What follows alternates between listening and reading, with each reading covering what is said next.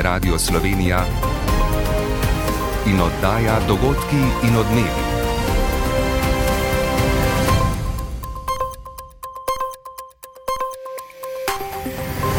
Ura je 15 in 30 minut. Dober dan. Pozdravljeni. Nemško odobritev dobave tankov Leopard Ukrajini pozdravljajo tako v tej državi kot v zahodnih zaveznicah. Teže napovedujejo, da jih bodo posredovali. Ruski odziv je pričakovano ciničen. Танки горят так же, как и все остальные. Ti tanki, po besedah predstavnika Kremlja Dmitrija Peskova, gorijo kot vsi drugi. Eden glavnih povdarkov srečanja diplomatov na Brdu pri Kranju je vrnitev Slovenije v jedro Evropske unije. To zagotavlja predlog nove zunanje politične strategije, so prepričani upleteni. Vlada je omejila cene toplote iz daljinskega ogrevanja. V najbolj prizadetih občinah se bo tako rast stroškov precej znižala. Za primer vzemimo stanovanje v Mariboru v velikosti približno 50 km2. Direktor tamkajšnje energetike Boris Novak. Brez ukrepa vlade bi položnica znašala 145 evrov, bo po novem znašala le 109 evrov. Državni zbor razpravlja o zdravstvenih razmerah. Opozicija svoje priporočila označuje za ponujeno roko vladi pri reševanju težav. Zdravstveni minister Daniel Bešič Loredan je odgovoril, da bodo v reformi upoštevali vse predloge. Kogar ne bomo tukaj dajali na stran, če so rešitve dobre. Tudi jutri bo oblačno, na primorskem jasno. Z vami sva Gregor Budal in Sara Lutrič. Nemčija bo poslala tanke Leopard 2 Ukrajini skupaj z zavezniki, tudi Združenimi državami Amerike, je v nemškem parlamentu pojasnil kancler Olaf Scholz. Za odločitev smo potrebovali dlje časa za to, da to storimo usklajeno in to je načelo, po katerem deluje nemška vlada, je še pojasnil Šolc, ki je bil v preteklih tednih tarča ostrih kritih predvsem baltskih držav in Polske, pa tudi iz lastnih koalicijskih vrst. Razpravo v nemškem parlamentu spremlja Polona Fjauš. Pozdravljena Polona, kako je kancler poslancem pojasnil zavlečevanje in potem odločitev? Ja, lepo zdrav. Ja, kancer je to pojasnil kot diplomatsko zmago Nemčije z ustrajanjem pri tem, da eh, Nemčija težkih tankov, ki so nova razsežnost pomoči Ukrajini oziroma bo, ko jih bodo dostavili in ko bodo ukrajinski vojaki za nje izurjeni, da tega Nemčija ne bo storila sama in s tem ogrozila varnosti Nemčije in Evrope, ampak vse zaveznice skupaj, tudi Združene države Amerike, med vrsticami torej, da je iztržil maksimum za svojo državo. Vemo, da je ameriški predsednik Biden eh, tej ideji ni bil naklonjen, da bi tudi ZDA poslale težke tanke Abrams v Ukrajini zaradi logističnih težav. To je zdaj sicer še neuradno, očitno si je premislil, ni pa še znano, kdaj bodo ZDA to storile, verjetno bo trajalo nekoliko dlje. Hm, kaj pa vse te kritike glede zavlačevanja in neodločenosti kanclerja Šolca, ki smo jih spremljali v preteklih tednih, ali je to škodilo ugledu Nemčije? Ja, zavisi, ko ga vprašaš. Po razlage kancerja Šolca ne. V svojem govoru je dejal, da so se dogovarjali z zaveznicami, da se niso pustili prisiliti v odločitve, da je prav, da so šli korak po koraku. Dejal je, vedno znova pravimo, vse nujno bomo naredili, da podpiramo Ukrajino, da pa hkrati delamo vse, da preprečimo eskalacijo med Rusijo in NATO in to bomo vedno vzeli v obzir, je dejal. S tem se ne strinjajo vsi, predvsem nemških medijih in opozicijskih CDU je bilo veliko kritik na zavlačevanje, da so škodili odnosom ZDA, tudi zahtevami, da to storijo tudi ZDA um, in pa da je tudi to pojasnjevanje in manjko komunikacije zadalo škodo vladi, pa tudi ugledu Nemčije med zaveznicami, ko so tako dolgo delovali obotavljivo. Ponovno še to, namestnik ukrajinskega zunanjega ministra in nekdani veleposlanik v Berlinu Andrij Melnik se je zahvalil Nemčiji, a ob tem na družbenem omrežju Twitter zapisal, navajam, ustanovimo še zavezništvo za bojna letala, Eurofighter, F-16 Tornado in tako naprej, vse, kar lahko dostavite. Konec navedka. Ali bo to naslednji korak?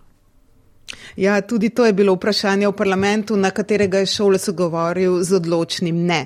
Ne bojnih letal, ne vojakov v Ukrajino ne bomo pošiljali, je dejal, ima pa Ukrajina vse ostalo, finančno, človekoljubno, vojaško, ostalo vojaško pomoč do konca in dokler jo bo potrebovala. Polona hvala in lepo zdrav Berlin. Ukrajinski predsednik Volodimir Zelenski je podpisal zakon, ki zaostruje kazen za dezerterstvo na 12 let zapora. Za neposlušnost je ponovem predvidenih 10 let zaporne kazni, za grožnje poveljnikom pa 7 let. Zakon tudi prepoveduje sodiščem, da bi vojakom, ki so bili spoznani za krive, izrekli nižje ali pogojne kazni. V Ukrajini so danes zaradi domnevnih nepravilnosti in korupcije razrešili več visokih uradnikov. Med drugim naj bi vojski dobavljali hrano tudi po trikrat višjih cenah od maloprodajnih. V Ukrajini je po razkritju domnevnih nepravilnosti, med drugim v povezavi z osebnim okoriščanjem, že odstopilo več visokih uradnikov. Na Brdu pri Kranju danes in jutri poteka 26-letni posvet slovenske diplomacije. V središču posveta so zunanje politični izzivi, ki čakajo Slovenijo v letošnjem letu, ter predstavitev sprememb zunanje politične strategije naše države. Srečanje na Brdu spremlja tudi Blaž Ermenc. Pozdravljen. Lepo zdrav. Blaž, kaj torej v spredju diplomatskih razprav na Brdu? Ja, zbrane diplomate je uvodoma nagovorila zunanja ministrica Tanja Fajon, ki je med letošnjimi izzivi izpostavila nestabilno mednarodno okolje, predvsem kot posledico ruskega napada na Ukrajino in pa vse posledice, ki jih ta agresija prinaša. Tudi zato je potrebna nova zunanja politična strategija, da bo Slovenija še naprej trdno podpirala Ukrajino, pa tudi države Zahodnega Balkana na evropski poti, je povdaril tudi premijer Robert Golop. Kot je sporočil diplomatom zbranim na Brdu, od njih pričakuje znanje o plemenitono s pogumom, predvsem pa želi po njegovih besedah Slovenija biti in ostati polnopravna članica jedrne Evrope. Koristi, ki jih imamo od tega, so že v šestih mesecih se pokazale tako velike, da si jaz nisem mogel naprej predstavljati. Takrat, ko smo zavezani istim vrednotam, hkrati imamo pa znanje in pogum, takrat so nam v Evropi odprta vsa vrata. Blaž, kot omenjeno je v spredju tokratnega posveta tudi predlog nove strategije o zunanji politiki. Kaj ta prinaša? Ja, po besedah zunanje ministrice Tanje Fajon moramo okrepiti odpornost Slovenije naše zunanje politike. No, kot nam je povedal eden od snovalcev nove strategije, veleposlanik Istok Mirošič, so se z deglobalizacijo in tudi z že omenjeno rusko agresijo zgodili dogodki, ki zahtevajo drugačno vodenje zunanje politike. O vsebini nove strategije pa nam je povedal. Temeljne spremembe so, da um, strategija, ki je še v osnutku, naj povem, in je še predmet usklajevanja, predvideva vrnitev Slovenije nazaj v jedrno Evropsko unijo, pri čemer jedro pomeni skupek najnaprednejših evropskih držav, ki si želijo tudi poglabljanje močne, solidarne Evropske unije. V spredju naj bi bile različne vrednote, na prvem mestu vladavina prava. No, zunanja ministrica pa je hkrati napovedala spremembe zakona o zunanjih zadevah. Podrobnosti ni razkrila, nam je pa zaupala, da ne razmišljajo o povečanju kvote politično postavljenih veleposlanikov. No, sicer pa je med glavnimi letošnjimi izzivi slovenske diplomacije iskanje podpore za kandidaturo za nestalno članico Varnostnega sveta Združenih narodov. Tako je ta cilj sta danes podarila tako premijer Golob kot tudi zunanja ministrica Fajonova, ki je zbrane diplomate pozvala naj si prizadevajo za podporo Sloveniji pri tej kandidaturi. To je naš skupni nacionalni projekt, kjer moramo vsi nosilci ključnih političnih funkcij v državi in celotna slovenska diplomacija dati maksimalni prispevek. Če bomo izvoljeni v varnostni svet, se bodo Sloveniji odprla mnoga vrata v svetovnih prestolnicah. Blaž, kaj pa se še obeta na tokratnem posvetu? Ja, zdaj se razprave nadaljujejo za zaprtimi vrati, no jutri drugi dan srečanja slovenske diplomacije pa bo zbrane nagovorila predsednica republike Nataša Pirc-Musar, pa tudi častni gost španski zunani minister Jose Manuel Alvarez Bueno, ki bo med drugim predstavil prednostne naloge španskega predsedovanja Evropske unije v drugi polovici letošnjega leta. Toliko za zdaj z Brda. Blaž Ermenc, hvala za ta pojasnila. Ko se odločiš za preglednost, se zgodi nekaj lepega. Sram, v sramu pa je tudi milost. Tako papež Frančišek v včerajšnjem intervjuju za agencijo Associated Press na vprašanje o spolnih in drugih zlorabah mladoletnih in ranljivih oseb v katoliški cerkvi. Ob tej priložnosti se je prvič opredelil tudi do afere s patrom Markom Rupnikom, ki ga je, tako v Bergoljo, presenetila. Več iz Rima Janko Petrovec. Zadeva s patrom Markom Rupnikom me je presenetila. Takšna oseba in umetnik na tako visoki ravni res me je presenetilo in prizadelo. Tako papež Frančišek, ki je med pogovorom zanikal, da bi osebno posredoval pri drugi tožbi proti Marku Rupniku leta 20, kot mu očitajo nekateri. Kongregacija za nauk vere je Rupnika takrat izobčila, ker je neko žensko spovedal greha spolnega odnosa z njim samim, po manj kot mesecu dni pa je izobčenje preklicala. Ničesar nisem imel s tem, primer sem prepustil kongregaciji za nauk vere, se so ga oni odprli, zato je bilo primerno, da ga tam tudi zaključijo.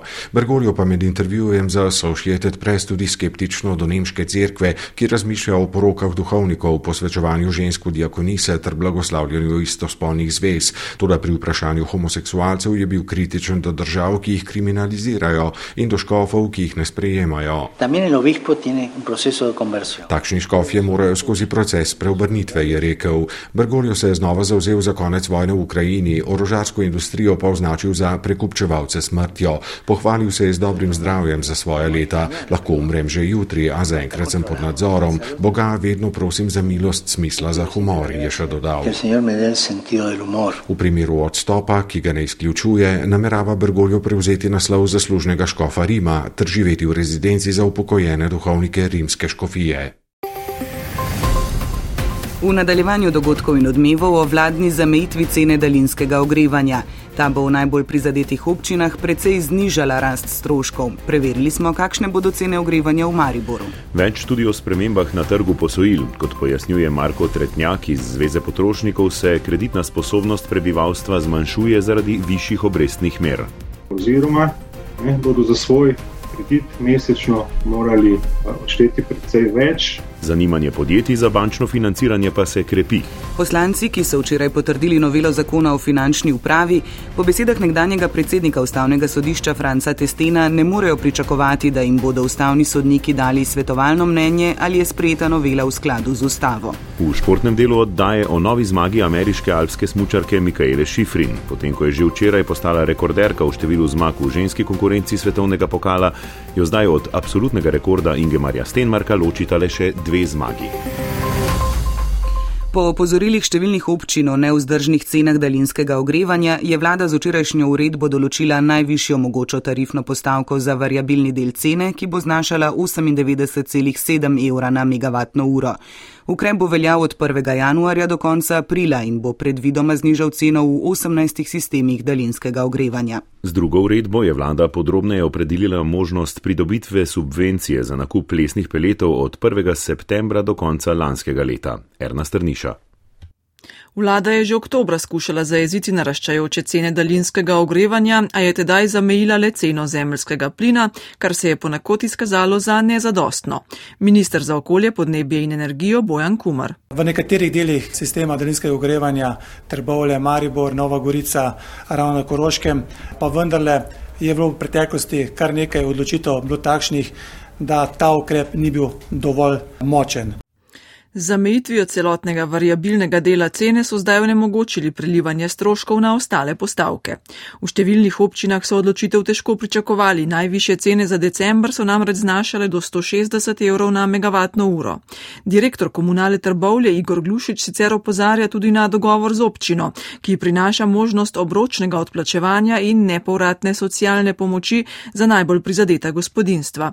Tu pa bo še dodaten ukrep. Zato smo obljubili in bomo tudi ne glede na ukrep, ki ga je vlada sprejela, dodatno dali vsem gospodinstvom v Trbovljah za mesec januar popust 15% na ceno ogrevanja. Zamejitev cene daljinskega ogrevanja je omogočil decembra sprejeti interventni zakon o nujnem posredovanju za obravnavo visokih cen energije. Tu so predvidene tudi subvencije za nakup lesnih peletov, izplačeval jih bo Borzenov centr za podpore, ki mora v roku enega meseca omogočiti oddajo vlog po elektronski poti. Kot pojasnjuje minister Kumar, je treba priložiti dokazilo o ugrajeni napravi in račun. Račun pa mora biti datiran za to obdobje, katerega smo omenili oziroma smo tudi v zakonu zapisali, to je 1. september do 31.12. Ukrep je namenjen fizičnim osebam in znaša 100 evrov na tono za največ 5 ton peletov. Podražitev daljinskega ogrevanja bo tudi v Mariboru občutno nižja od načrtovane, potem ko je vlada včeraj z uredbo omejila najvišjo dovoljeno tarifno postavko za variabilni del cene toplote za gospodinstva. Cena za megavatno uro je tako zdaj 108 evrov z DDV ured, v energetiki Maribor pa so za januar za megavatno uro napovedali ceno 150 evrov. To bi bila 78 odstotna podražitev variabilnega dela. Koliko bodo torej plačevali za ogrevanje v Mariboru ali Ašmejal? Za dobrih 13 tisoč odjemalcev toplote pri energetiki Maribor bodo zneski na položnicah od januarja višji za okoli 22 odstotkov in ne za 63, kolikor bi se zvišali, če ne bi bilo te vladne uredbe, ocenjuje prvi mož energetike Boris Novak. Če smo se v Mariboru zavedali, da stanovanje v kvadraturi 53 kvadratnih metrov bi bilo brez ukrepa vlade, bi položnica znašala 145 evrov, bo po novem znašala le 109 evrov in pa za stanovanje 69 kvadratnih metrov, če je bila prejšnja položnica 185 evrov in 90 centov, bo po novem ta 140 evrov. Povračilo razlike med napovedano podražitvijo in zdajšnjo omejeno ceno bo ob ustreznih dokazilih upravljavcev sistemov daljinskega ogrevanja krila vlada. Novak ob tem dodaja. Sami se bomo morali tudi potruditi z finančno optimizacijo, z učinkovitim poslovanjem, da uh, tudi mi nosimo del tega bremena. Eh, ki ga predstavlja eventualno tudi socialna stiska nekaterih v Mariboru. Vlada naj bi že jutri sprejela še uredbo, ki bo zamijila tudi ceno plina za vrtce, šole in druge zaščitene odjemalce. Če tega ukrepa ne bi bilo, pa bi bilo zvišanje cene variabilnega dela toplote za mariborske vrtce in šole, ki so priklopljeni na daljinsko grevanje kar 200 odstotno. Dogodki in odmevi. Zaradi vse višjih obrestnih mer in torej dražjega zadolževanja, popraševanje po novih stanovanskih posojilih upada. Kot v najnovejšem poročilu o poslovanju bank ugotavlja Banka Slovenije, se ohlaja tudi popraševanje po potrošniških posojilih. Nasprotno pa se zanimanje podjetij za bančno financiranje krepi. Banke v Sloveniji so sicer v prvih enajstih mesecih lani ustvarile 477 milijonov evrov dobička pred davki, to pa je primerljivo z dobičkom v letu predtem. Urška je rep. Razmere na trgu posojil se drastično spreminjajo. Novo sklenjena posojila in obstoječa spremenljivo obrestno mero so najbolj na udaru. Medtem ko se fiksne obrestne mere že gibljajo okoli 4 odstotke, se je Euribor od lani, ko je bil negativen, zdaj pa uspel že na skoraj 3 odstotke. Aljoša Valentičič iz Ljubljanske ekonomske fakultete. Če je nekdo vzel v starih časih posojilo, V višini 200 tisoč evrov za 20 let, pa po obrestni meri Euribor plus 2%, temu je šlo obrok gor iz 1000 na približno 1300. Ne. To je pa kar velik znesek. Ne. Kreditna sposobnost med prebivalstvom se zaradi višjih obrestnih mer zmanjšuje, opozarja Marko Tretnjak iz Zveze potrošnikov. Prostore za pridobitev financiranja v okviru razpoložljivega eh, dohodka imajo potrošniki zaradi viš, višjih obrestnih mer torej bistveno manj oziroma ne, bodo za svoj kredit mesečno morali eh, odšteti precej več, Še dodatno je k nižji kreditni sposobnosti gospodinstev prispeval nedavni vladni dvig minimalne plače, pa upozarja direktorica Združenja bank Stanislava Zadravec Kaprirolo. Po oceni bančnega sektorja za kar približno desetim procentom populacije znižala kreditna sposobnost toliko, da so praktično kreditno nesposobni. Zdaj tukaj nekaj ni v redu, a ne? Zvišanje minimalne plače za 100 evrov neto je namreč za petino zmanjšalo najvišji dovoljeni znesek mesečnega obroka posameznika s povprečno plačo. V praksi to pomeni, da državljan ne le z minimalno, ampak tudi s povprečno plačo in enim otrokom ne more več do dolgoročnega stanovanskega posojila. SDS je kot ponujeno roko sodelovanja koaliciji predstavila priporočila za takojšnje reševanje razmer v zdravstvu, ki jih od pol dneva obravnavajo poslanke in poslanci. Ministr za zdravje obljublja, da bodo opozicijski predlogi upoštevani pri pripravi zdravstvene reforme, koalicijski poslanci pa opozarjajo, da niso slišali nič novega. Sejo spremlja Katja Arhar. Izredna parlamentarna seja o zdravstvu poteka na pobudo poslanske skupine SDS, ki je vladi za ureditev razmer v zdravstvu predlagala novično zakonsko uvedbo sistema za referenčne cene pri nakupu medicinskega materijala, ter da v 30 dneh predlaga nov plačni sistem v zdravstvu in zakonsko rešitev za vračanje slovenskih zdravstvenih delavcev iz tujine.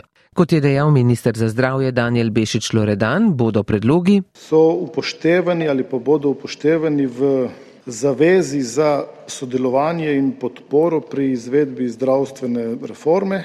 Veliko bolj skeptični do ponudbe opozicije so bili v koaliciji, a je, vsaj tako se zdi po danes slišanjem, prevladalo ali pa vsaj začelo prevladovati zavedanje, da je ureditev zdravstva pomembnejša od političnih interesov. Tamara Kozlovič, Svoboda. Ugotavljamo namreč, da tudi opozicija podpira večino vsebinskih rešitev, ki jih predlaga in izvaja ta minister za zdravje. Koalicijo in opozicijo praktično povezuje skupni cilj. Drage poslanke in poslanci, a ni to dobra novica? Čaka nas le še politična modrost. Koalicijskih kritik na predloge stranke SDS kljub temu ni manjkalo, tudi na kratke časovne roke, ki so jih predvideli. Vodja poslanske skupine SDS Jelka Godec odgovarja. In roki, ki so tu napisani, niso problem. Niso. Če se želi, se naredi tak. Na pobudo opozicijskih poslancev je minister Bešič Loredan na kratko predstavil analizo stanja v zdravstvu in načrtovane korake reforme. Znova jih bo ponovil na nujni seji odbora za zdravstvo, ki bo sledila izredni seji državnega zbora. Ali lahko poslanci, ki so potrdili zakon, tega pošljajo v presojo ustavnemu sodišču? To so včeraj napovedali poslanci Levice, ki so, čeprav dvomijo o ustavnosti pooblastila o tajnem sledenju le na podlagi sklepa pristojne finančne uprave, dali glasove za dokončno potrditev novele zakona o finančni upravi. Ustavno sodišče ne daje svetovalnih mnen. Če ne bodo konkretno navedli, kje vidijo neustavnost, bo ustavno sodišče pobudo najverjetneje zavrglo. Več Jolanda Levar. Kako naj zdaj napišejo ustavno pobudo? Bodo ustavno sodišče zaprosili za mnenje o tem, ali so sprejeli ustavno skladen zakon ali ne? Če bodo storili to, bo pobuda zagotovo neuspešna, pravi nekdani predsednik ustavnega sodišča Franz Testin. Mora biti trditi, je v nasprotju z ustavo in zakaj ne bi bilo v nasprotju z ustavo. Mislim, da tukaj, najpozneje tukaj bojo pa spoznali, da so pač ubrali napačno pot, ker ne moreš danes glasovati za zakon, naslednji dan ga pa z nekim torej, argumentirano utemeljitvijo izpodbijati. Moja ocena je, da bo ustavno sodišče tako m, zahtevo zavrglo. Če poslanci namreč ocenjujejo, da je zakon v neskladju z ustavo, ga ne bi smeli potrditi, dodajate sten. In tukaj gre za čisto sprenevedanje, pa reč, mi smo glasovali, ker pa nismo čist prepričani, ne pa še ustavno sodišče pove, ali je more biti v neskladju z ustavo. Takega nasveta od ustavnega sodišča ne morejo zahtevati. Drugače bi bilo v primeru, če bi zakon izpodbijali poslanci, ki so mu že v razpravi nasprotovali in so glasovali proti. Nekdani pravosodni minister Alež Zalar dodaja, ustavno sodišče se ne rado spušča v presojo ustavnosti zadev, ki imajo očitno podlago v političnih preigravanjih, trgovanjih ali dogovorih. Verjetno pa lahko z ustavno pobudo uspe državni svet, ki je na novelo izglasoval veto, a jo je državni zbor na koncu vseeno potrdil. Podnebne spremembe vplivajo tudi na selitvene vzorce ptic. To zimo je v Sloveniji ostalo 12 belih štorkelj, to je največ doslej, od tega se jih pet zadržuje na območju Logatca. Ker je tam v preteklih dneh zapadlo 40 cm snega, štorklje tež, teže najdejo hrano. In čeprav se zdijo te dolgonoge ptice v snegu marsikomu premražene in nebogljene, v Društvu za opazovanje in preučevanje ptic mirijo, da jim za zdaj ni hudega. Nina Brus. V Logacu sta lani prezimili dve beli štorkli, letos pet. K temu je pripomogla sprva mila zima, ki pa je v minulih dneh pokazala zobe. A štorklje so iznajdljive in po naravi klateške in za zdaj ni bojazni, da bi bile zaradi mraza in snega ogrožene, pravi ornitologinja Urša Gajšek. Se pravi, zdaj, ko je sneg in tudi, če ne bodo tam v Logacu zdaj našle hrane, se lahko brez problema premaknejo nekoliko južneje ali pa poiščejo bolj taka kopna območja, naprimer v bližini kakih rek in ribnikov in tam plenijo svojo hrano. Zdijo se tako nebogljene, ampak pravite, da štorkljam za zdaj ni hudega. Res je, da tega pojava v Sloveniji še zdaleč nismo navajeni in se nam na prvi pogled štorklje v snegu zagotovo smilijo. Ampak so iznajdljive, smo že tudi dobili informacije, da se grejo kdaj v kakšen hlev pogret, če bi jih čež zazeblo, čeprav samo temperaturo nimajo težav, se bojo znašle. So se tudi same odločile, da tu ostanejo in že vejo, kaj delajo. Jih pa spremljajo in če bo katera obnemogla, ji bodo pomagali. So pa v tem, da štorklje prezimujejo v Evropi tudi številne prednosti, saj je selitvena pot do Afrike dolga, naporna in nevarna. Na samem prezimovališču v Afriki so izpostavljene tudi lovu. V Afriki namreč kar plenijo te čudovite ptice in pa tam imajo še veliko odprtih smetišč oziroma raznih drugih deponij, kjer se štorklje zelo rade prehranjujejo. S tem pa tvegajo poškodbe in bolezni. Štorklje, ki ostanejo pri nas, so v prednosti pred tistimi, ki se selijo tudi zato, ker lahko prve izbirajo gnezda in habitat. Zaradi globalnega segrevanja selitvene vzorce in poti spreminjajo tudi druge vrste ptic, denimo žerjavi in lastovke. Ponovimo, da je nemška vlada Ukrajini odobrila dobavo tankov Leopard 2. Odločitev so pozdravili evropske zaveznice in generalni sekretar NATO Jens Stoltenberg. Iz kabineta ukrajinskega predsednika Volodomirja Zelenskega pa so potezo Berlina označili za prvi korak in kot naslednjega omenili tankovsko koalicijo. Dobavo omenjenih tankov so po Nemčiji napovedale še Poljska, Finska in Španija. Do afere o spolnih zlorabah patra Marka Rupnika se je prvič opredelil tudi papež Frančišek. Kot je dejal, ga je zadeva presenetila in prizadela. O zlorabah patra Rupnika sta sicer spregovorili še dve nekdani redovnici, ki slovenskega duhovnika obtožujeta otipavanja in spolnih napadov. Sledi še šport, v katerem bodo ob dvojnem sporedu alpskega smučanja v ospredju nastopi košarkarjev in odbojkarjev na evropskih tekmovanjih. Z vami bo Aljaš Golčer. Hvala za pozornost in prijetno popovdne.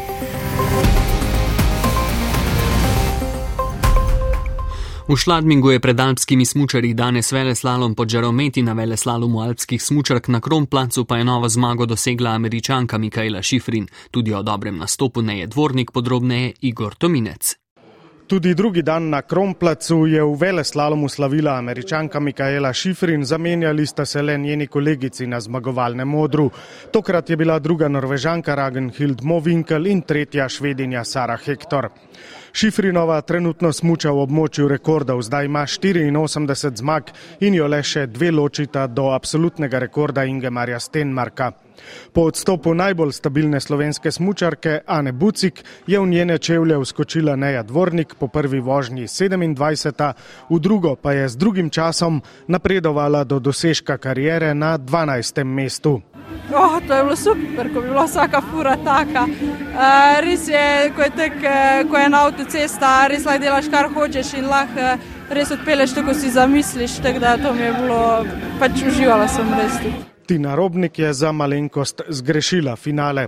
Ob 17.45 se bo začel šesti moški veleslalom sezone. Po petih je v prepričljivem vodstvu discipline švicar Marko Odermat, ki je po poškodbi kolena v Kitzbilu že začel trenirati, danes pa ga v Šladmingu ne bo na startu. Tretji veleslalomist sezone Žan Kranjec bo danes imel številko 5, Štefan Hadalin 43. Z odbojkarske zveze Slovenije so sporočili, da iščejo novega selektorja moške članske reprezentance. Vodstvu zveze se ni uspelo dogovoriti za podaljšanje pogodbe z Romunom Georgejem Krecujem, ki je pred sezono iz finančnih vzgibov zavrnil že ponudbo Perudže in je v iskanju novega kluba. Slovenska reprezentanca bo tako v letu Evropskega prvenstva olimpijskih kvalifikacij in lige narodov dobila novega selektorja, še osmega, ki bo vodil generacijo s tremi srebrnimi kolajnami iz evropskih prvenstv. V nadaljevanju dneva pa bo v spredju klubska odbojka in lov ACH Voleja, da po desetih letih znova ujame izločilne boje elitne lige prvakov. Podrobneje pred gostovanjem v Ankari Boštjan Reperšak. Že za res dolgo časa slovenski odbojkarski prvaki niso bili v položaju, da bi na zadnji tekmi predtekmovanja v medsebojnem obračunu odločali o napredovanju izločilne boje lige prvakov. Med 12 najboljših evropskih klubov jih vodi kakršnakoli zmaga proti Ziratu, ki je v dvorani Tivoli ob zaključku prvega dela predtekmovanja slavil s 3 proti 2 v nizih. Takrat izjemno izenačena tekma, odločena po izvrstni predstavi korektorja Termata.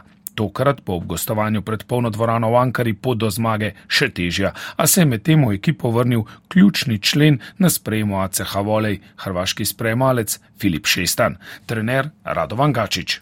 Oni so na domačem terenu precej suvereni. Eh, po drugi strani pa je to za nas eh, ena priložnost, da dokažemo, da lahko tudi na takih terenih eh, dobro odigramo in naš cilj in želja je absolutno zmaga. V četrt finale bodo po današnjih zadnjih tekmah pretekmovanja uvrščeni vsi zmagovalci skupin, pet drugo vrščenih moštov in najboljše tretje pa bodo popolnili osmerico v boju za naslov Evropskega klubskega prvaka.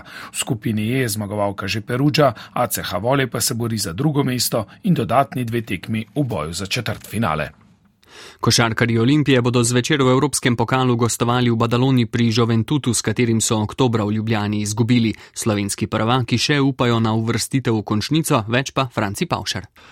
Olimpijni košarkari so se z nekaterimi porazi v stožicah ter na tekmah s klubi iz spodnjega dela skupine spravili v neprijeten in težaven položaj, ko se bodo morali reševati na gostovanjih z moštvi pri vrhu skupine, kot je denimo večerni tekme Juventut. Uspeha na srečanju v Kataloniji ni možno odpisati vnaprej, saj so ljubljančani v tej evropski sezoni prikazali nekaj prebliskov, kot je zmaga v Burgom Bresu pri vodilnem moštvu skupine ter visoka zmaga doma nad Ulmom z neverjetnimi 30 točkami prednosti. Olimpija je učinkovito moštvo, a najšipkejši člen je obramba, ta pa je predpogoj za uspeh. Teorija je jasna, to izpeljati v praksi pa je težje. Igra sloni na šesterici košarkarjev, ki dosegajo poprečje okrog 10 točk na tekmo, izstopata pa Jogi Ferel z 19 ter Josh Adams s 15. Zaradi majhnega števila udarnih mož si ti težko privoščijo slab dan ali osebne napake, a kot rečeno, šepa obramba. Olimpija prejme največ točk med vsemi 20 klubi Evropskega pokala. Tokratna naloga bo še težja, saj so ljubljančani še pred včerajšnjim igrali zahtevno tekmo Jadranske lige v Beogradu s Crveno zvezdo, danes pa že v Badaloni. Žoventud ima kakovostno moštvo na čelu z Antem Tomičem, košarkarjem dometa, kakršnega nima nihče v Olimpiji. Za konec pa tenis. Na odprtem prvenstvu Avstralije smo danes dobili še preostala polfinalna para. Novak Djokovic je s 3 proti nič v nizih ugnal Andreja Rubljova, Tommy Paul pa je za svoj prvi polfinale na turnirjih velike četverice s 3 proti 1 premagal Bena Sheltona. V ženski konkurenci je Magdalinec z 2 proti nič v nizih premagala Karolino Pliškovo, Arina Sabalenka pa Dono Vekič. Poslušali ste oddajo Dogodki in odmevi urednik Niko Robaus, voditelja Gregor Budali in Sara Lotrič, tonski mojster Peter Lebar.